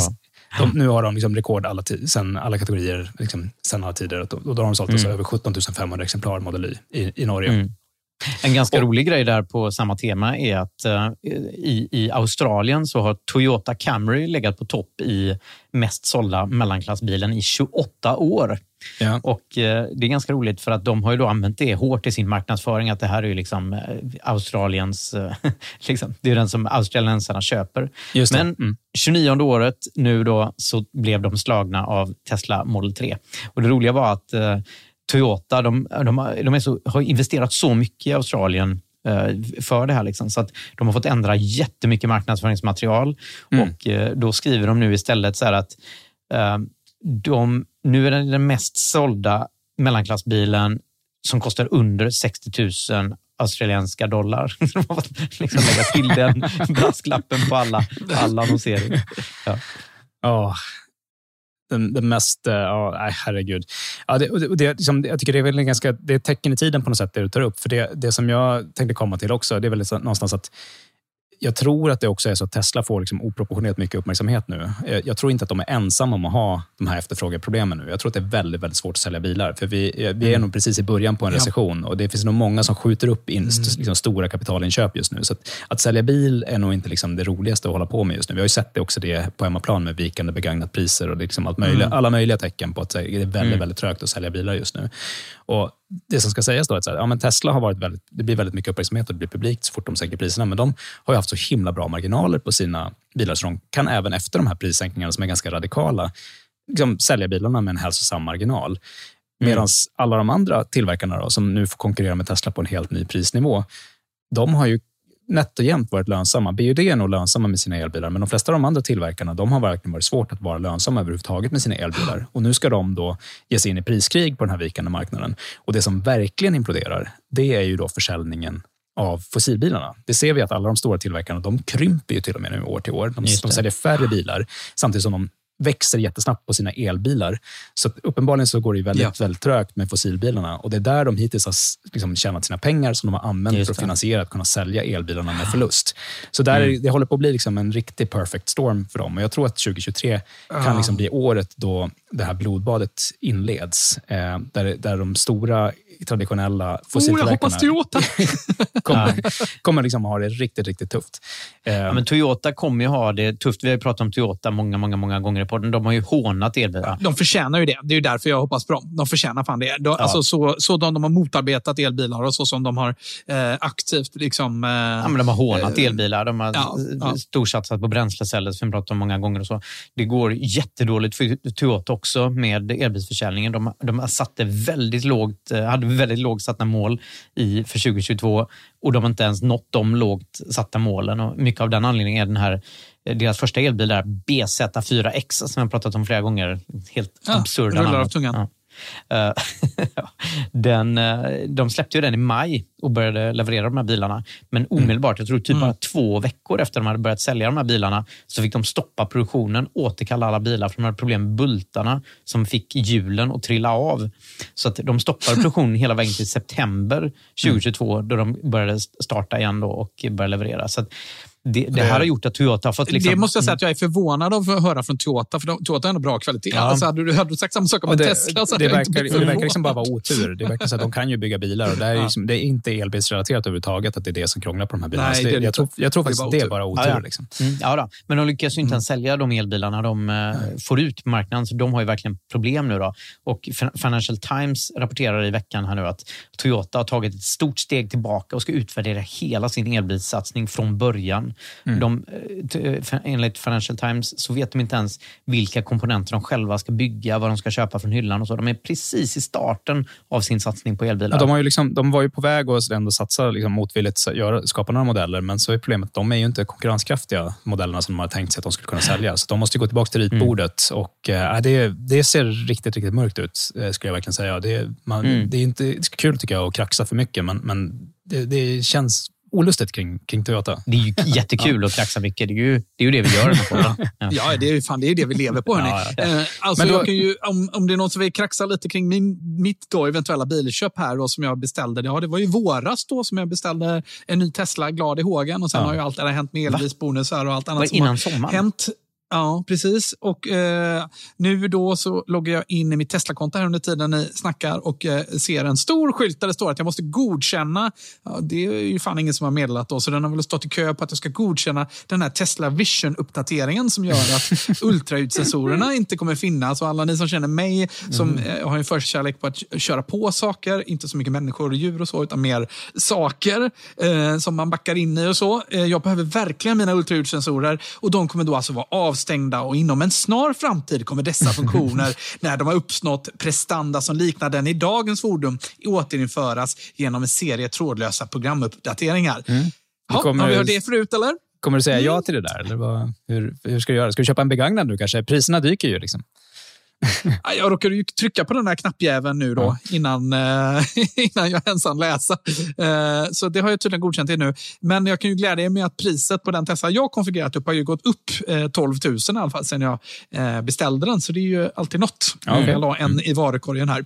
Eh, För att jämföra. Men jag, jag, undrar vad det är som har hänt här. Alltså jag funderar ju också på om jag ska köpa en begagnad istället. Vad jag ska Ja. göra. Eller bara hålla kvar vid den jag har.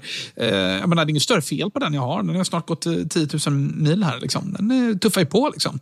Ja, det, det skulle, det inte, det, det skulle, jag skulle inte bli så förvånad om det dyker upp en, en kraftig uppdatering. helt enkelt. Därför det, för det har levererats väldigt få Model 3 i Europa. Verkligen, Just det. Vad är, det, vad är det det ryktas för? Vad är det då? Face, jag har helt missat det. Är det en facelift eller vad är det för någonting? De kan inte ens ge ett leveransdatum nu. Det står inte, alltså, nu efter nästan nio månader så Ja. är det liksom inte ens ett leveransdatum. Vad, de har ju, de har ju förmåga att bygga Model 3 så vad är det som händer? Var, varför klarar de inte av att leverera de här bilarna? Är, här, en hemmasnickrad teori, eftersom det börjat dyka upp eh, testmulor som är delvis kamouflerade, är att det är en facelift på gång. Eh, och Mhm. att Jag tror att den faceliften kommer att handla allra mest om att de helt enkelt går till den här eh, castingtekniken som de använder för Model Y. Så att de, de ändrar hur de bygger bilarna för att kunna få ner priset på hur mycket de kostar att tillverka.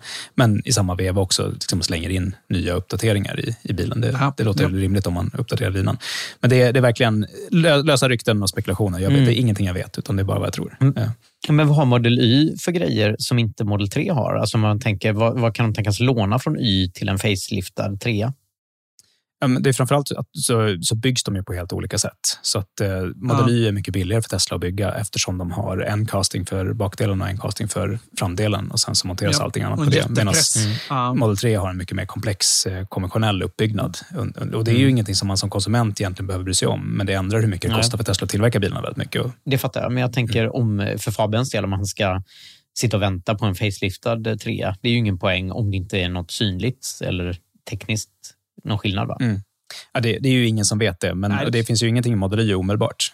Det här med att ultraljudssensorerna försvinner presenteras ju som ett feature. Liksom. Det här är ju Apple all over igen. Mm. Liksom. Diskettstationerna försvann och sådär.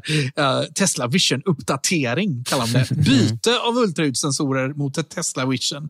Ja, och det är då kamerorna då som ska agera Just samma. Då. Eh, då tillåt mig tveka. Det är många Tesla-ägare som har varit så förbannade också på hur, hur det här liksom har hänt Ja. med, med liksom farthållare och annat. Men jag måste säga att det, nu har de ju fått tummen ur. Det funkar ju, alltså, autopiloten börjar funka riktigt bra utan radar tycker jag. Och, eh, alltså regn, Regnsensorn funkar ju faktiskt nu. Regnsensorn och helljusautomatiken är ju liksom, helt plötsligt så är de bara bra. så. Ja. Så funkar nu. Ja, Ja, den jag också det, jag, det. jag blir fortfarande överraskad för att den är så bra. Att, att den verkligen gör rätt både Ja. på motorväg och landsväg. Förut var den helt oanvändbar på motorväg och så Ja, här, var den. rätt Ja, dålig på landsväg. Liksom. Det är bara, den är lite seg på att tända, men annars är den bra nu. Liksom. Det, Den är faktiskt bra nu. Jag håller med dig. Ja, det är verkligen konstigt. Och det hände bara på någon uppdatering där. Mm. Men hörni, för att knyta ihop säcken och vadet då, så vill jag bara... Eh, Tesla de levererade alltså under förra året eh, så växte de från 936 222 fordon som de levererade 2021 växte de till, till 1 313 851 bilar eh, 2022. Det var många som var besvikna över det. Marknaden blev skitsur när de levererade de siffrorna för att det var en stor besvikelse. Men det är alltså ändå en tillväxt år till år med 40 procent. Medan alltså de flesta andra stora biltillverkare minskar med så här, mellan 15 och 20 procent på helåret. Eh, om man kollar på Volkswagen-koncernens elbilar, så de har faktiskt inte släppt sina siffror för alla märken, alla undermärken än, utan de har bara släppt Volkswagen och Audi när vi spelar in det här. Mm. Eh, Men det är ju de stora. Det är ändå. de stora, så jag har tagit mig friheten att ta de stora som vi vet och sen så har jag extrapolerat att det, för de andra varumärkena går det lika bra i kvartal fyra som för Volkswagen och Audi. För vi har siffrorna fram till Q3 för dem. Och det, då visar, det, det indikerar då att Volkswagen-koncernen totalt kommer ladda på ungefär 572 000 bilar eh, för helåret 2022. Vilket då är alltså en tillväxt med 26 procent eh, från 452 000 året innan. Så det är alltså så att trots att Te- Tesla är på en högre nivå så har de ändå också en högre tillväxttakt än Volkswagen. Så att Volkswagen knappar inte in, utan de halkar efter helt enkelt. Just det. Eh, kommentarer, ja, Anders? Nej, men det, är, ja, men det är den jävla vinflaskan. Alltså. Det, är, Svider. ja, det kommer svida. Absolut. Det var en fin flaska vin också. fint, eh, ja. Ja, någon fin eh, champagne där kanske. Vi får se. Ja, får jag hitta på någonting. Ja, det bär emot men, att säga det, men Alfred, det här, eh, här hade du rätt för Men, en gångs eh, skull. Ja, fast Anders, det här kan ju ändras nu när när det går dåligt för Tesla plötsligt ju. Eller hur? Här kan ju leveranskostnaderna, leveranserna plötsligt minska. Ja, men du ser, ser vilket försprång. Alltså 1,3 miljoner mot Volkswagens 572 000. Det, det, och de ökar fortare också än, än Volkswagen. Det, här, det Mm. bådar inte gott. Det finns två nya fabriker som är byggda men inte har rampat upp ännu i Austin Mm. och Berlin. Så att, eh, ja. Ja. Mm, men Volkswagen håller också på. De ska bygga batterifabrik och sådär. Så att, eh, än är det Ja. inte kört. Vi har ju, det är ju två år 2026. kvar dessutom. Ja, nej, men, det är ju två år kvar på valet i alla fall. Utgången 2024 är det som gäller. Ja, det låter bra. Hörrni, vad, vad säger ni? Ska vi ha lite nyheter i det här programmet också? Ja. Som om inte det här var nyheter som jag har tagit precis. Och då kan vi prata om eh, mer om Tesla faktiskt. Nu har de verkligen matat på om Tesla i det här programmet. Verkligen. Men, eh, Elon Musk var ute i september och pratade om att eh, de skulle börja med raffinering. Det har ju varit, faktiskt varit på gång väldigt länge. Det var ju hela konceptet med de här eh, gigafabrikerna. Att du skulle ta in råvara i ena änden och skulle komma ut färdiga batteripaket i andra änden. Det är det som kallas för vertikal integration, va? Just det, precis. Och nu tar man de första stapplande stegen åt det hållet. Man har börjat titta på att starta litiumraffinering i Texas i en fabrik som man ska investera 365 miljoner dollar i, i Robstown i Texas. Och då är det en litiumförädlingsfabrik, så det är inte då gruvdriften utan då köper de in rå, rå sån år, tror jag, va? Som, eller sand Ah, så, som ja, innehåller okej. litium. Ja. Och så låter de fabriken där um, förädla det. Han har pratat om det här som uh, cash cow eller någonting, Elon Musk. För att priserna- Sedelpress liksom. Ja. Sedelpress, ja, precis. För att priserna på uh, litium har varit extremt höga. Alltså helt galet höga. Eh, och eh, i början av året här så var det så dyrt med litium att det påverkar ju hela priserna på, på elbilar. Vi pratade om det tror jag i förra programmet. Men Eh, bara från liksom januari till december 2022 så dubblerades priserna men nu, eh, på, på litium. Men nu så börjar det droppa lite här nu då under början av 2023 så det ser ut som att det är i alla fall en positiv nyhet och att priserna håller på att sjunka igen. Och det handlar mycket om eh, att Kina har ju haft sina covid-problem där som har gjort att de har stoppat produktionen Aha. på många håll i Kina. och Så Så att eh, det här är väldigt spännande. Nu börjar de ge sig in i, i gruvsvängen också, Tesla, och ska äga mm. liksom hela, hela delarna från början till slut med batteritillverkningen. Det är kul. Har du hunnit kolla på något? När ska de vara igång? Liksom? Vet man någonting sånt eller är det bara att nu börjar de? De börjar nu eh, och ja. två år läste jag någonstans är planen. Just det. Eh, men, det, eh, för det är väl så radikalt mycket kortare. Alltså det, det, är en deadline som de säkert kommer missa och så kommer alla ja. så här, nu är de försenade igen. Ja, de är sena jämt, jämt, jämt. Men i, ja. i själva verket så, så här, alla andra försöker så här, starta mm. på sex eller åtta år. Liksom. Ja, exakt. Eh. exakt. Men de håller på att rekrytera folk nu, så folk har hittat någon där jobbar någonstans som ligger ute till just, just Robstown där. Mm. Så att det är på gång. Det är rätt kul. Jag hoppas ju verkligen att svenska bolag eh, har lust att dra igång lite litiumproduktion här också. I Finland är man nu på gång. Ett finskt startup ska eh, i norra Finland börja provborra efter litium. De har haft väldigt positiva mm. indikationer då när de har varit och tagit små prover under mm. gamla torvområden i norra Finland. Så Jaha. att eh, finnarna är på språng i alla fall. Men vi behöver verkligen lägga på ett kol här nu i, i Sverige. Särskilt när vi i Europa ska storsatsa på eh, gruvdrift och litium och elbilsbatterier och så också. Hela Europa storsatsar på det och då kommer det behövas råvara från Europa också. Så mm. vi kommer att ha ett stort inhemskt demand i Europa på svenskt litium och svenska övriga batterimetaller då, om vi kan få fram det. Ja, så mycket som möjligt av värdekedjan vill vi ha i Sverige. Absolut. Mm. Ja, men kul. Vi eh, rullar vidare till eh, Sony som nu ska släppa en elbil tillsammans med Honda. Ja, för nu eh, på CES-mässan så blev det alltså klart att eh, Sonys elbil, de har ju tidigare visat upp en, en, prototyp faktiskt, men nu står det klart att det faktiskt ska bli en bil på riktigt. Det var inte bara ett koncept där de skulle visa någonting, utan de verkar alltså ha sökt partners och nu har de bildat ett joint venture tillsammans med den kända elbilstillverkaren Honda, eh, som alltså ska vara med på det här.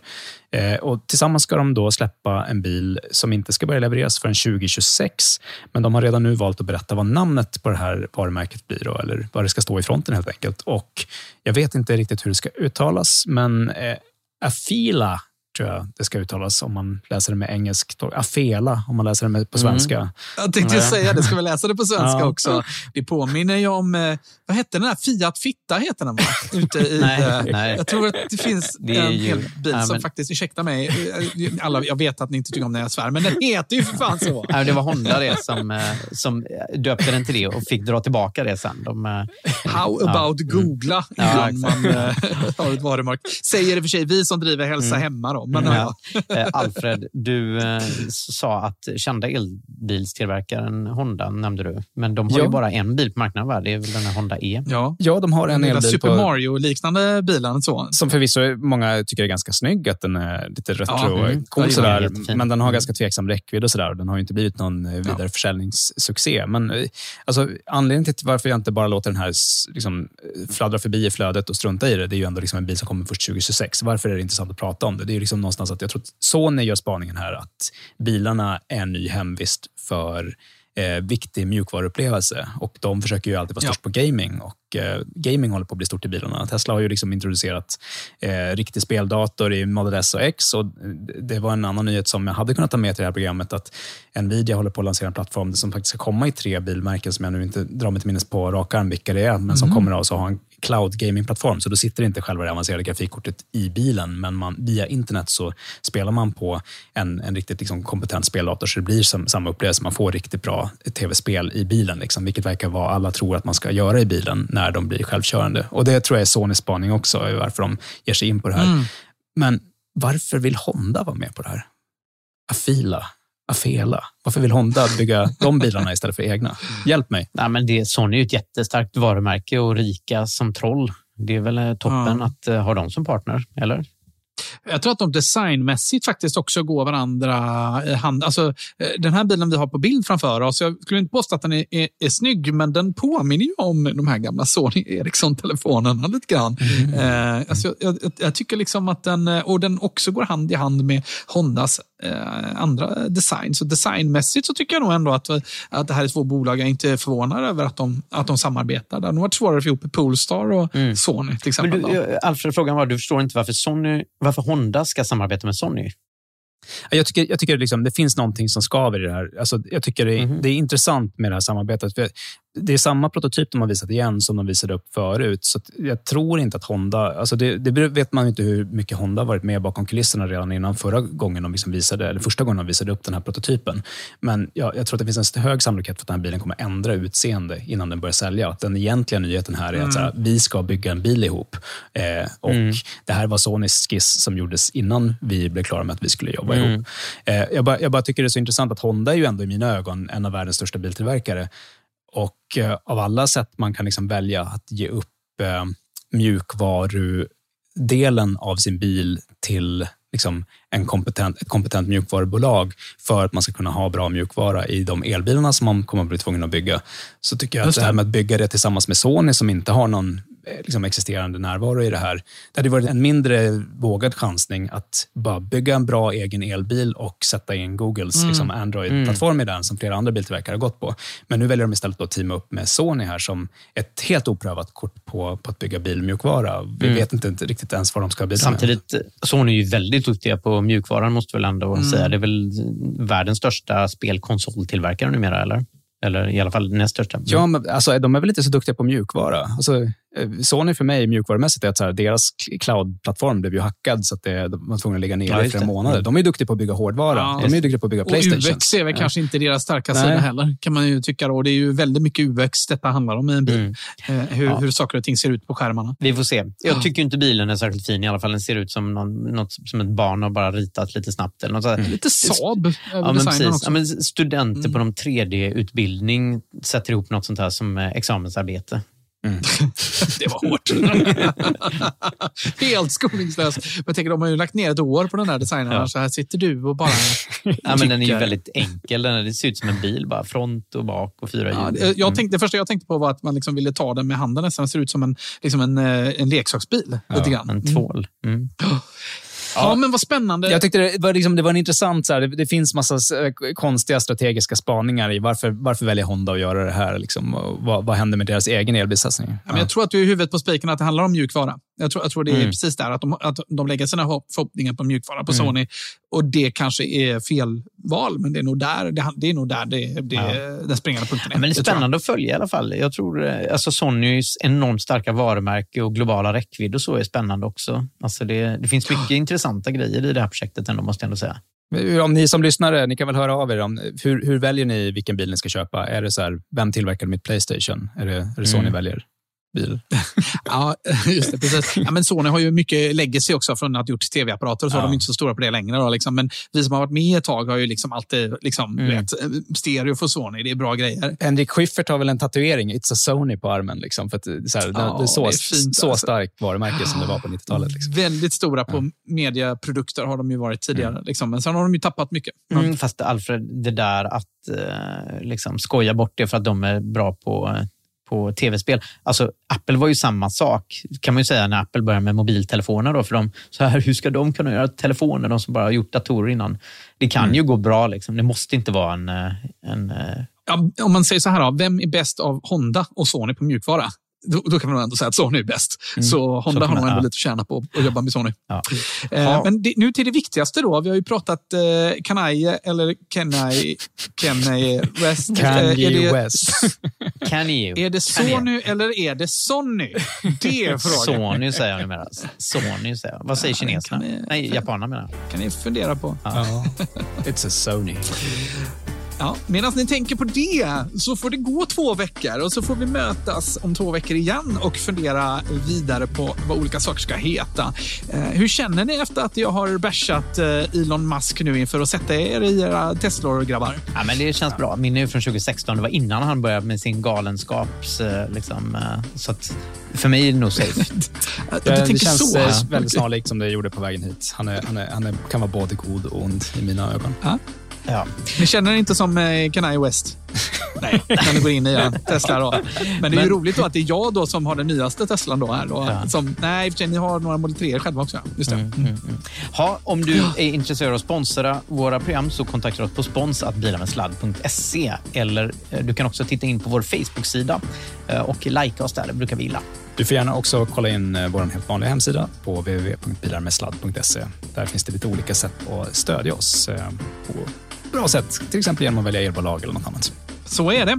Hälsa hemma i vårdcentralen som man förstås ska lista sig på om man vill ha snabb och eh, kompetent hjälp i Stockholm och i Göteborgsområdet. Och Det man gör är bara att man laddar ner Hälsa hemma-appen och sen listar man sig direkt i appen. där. Det är verkligen superenkelt. Bara gå in i appen, klick, klick, klick, bank-id och sen är det klart. Och Då är ju hela familjen kan man ju lista där och då kommer vi hem till er med elbilar om det behövs. Just det. Jag kan också nämna att eh, jag drog igång ett betatest eh, med Apple Watch för några veckor sedan Ja. eh, i början av december.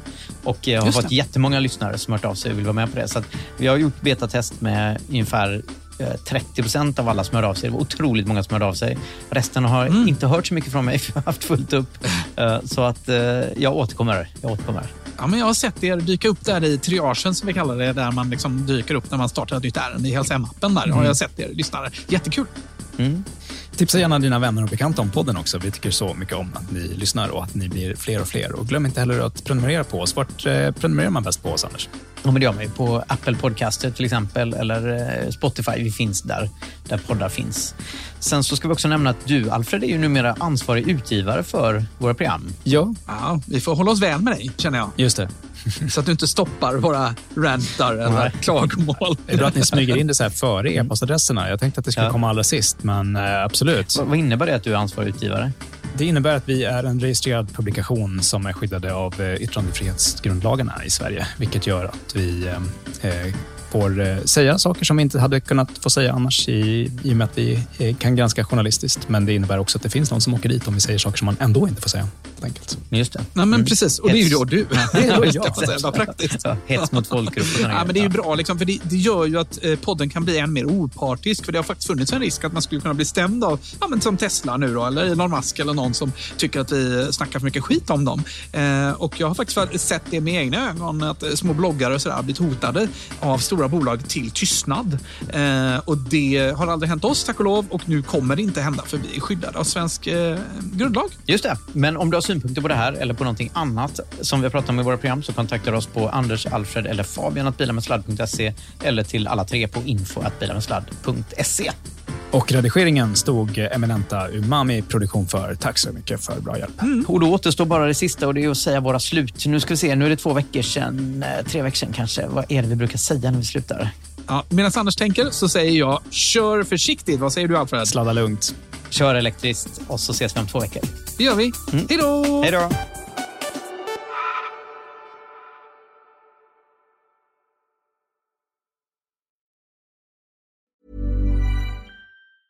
Hey, it's Danny Pellegrino from Everything Iconic. Ready to upgrade your style game without blowing your budget? Check out Quince. They've got all the good stuff shirts and polos, activewear, and fine leather goods, all at 50 to 80% less than other high end brands. And the best part? They're all about safe, ethical, and responsible manufacturing. Get that luxury vibe without the luxury price tag. Hit up quince.com slash upgrade for free shipping and 365 day returns on your next order. That's quince.com slash upgrade. Hi, I'm Daniel, founder of Pretty Litter. Cats and cat owners deserve better than any old fashioned litter. That's why I teamed up with scientists and veterinarians to create Pretty Litter. Its innovative crystal formula has superior odor control and weighs up to 80% less than clay litter. Pretty Litter even monitors health by changing colors to help detect early signs of potential illness. It's the world's smartest kitty litter. Go to prettylitter.com and use code ACAST for 20% off your first order and a free cat toy. Terms and conditions apply. See site for details. Hi, I'm Daniel, founder of Pretty Litter. Cats and cat owners deserve better than any old fashioned litter. That's why I teamed up with scientists and veterinarians to create Pretty Litter. Its innovative crystal formula has superior odor control and weighs up to 80% less than clay litter. Pretty Litter even monitors health by changing colors to help detect early signs of potential illness. It's the world's smartest kitty litter. Go to prettylitter.com and use code ACAST for 20% off your first order and a free cat toy. Terms and conditions apply. See site for details.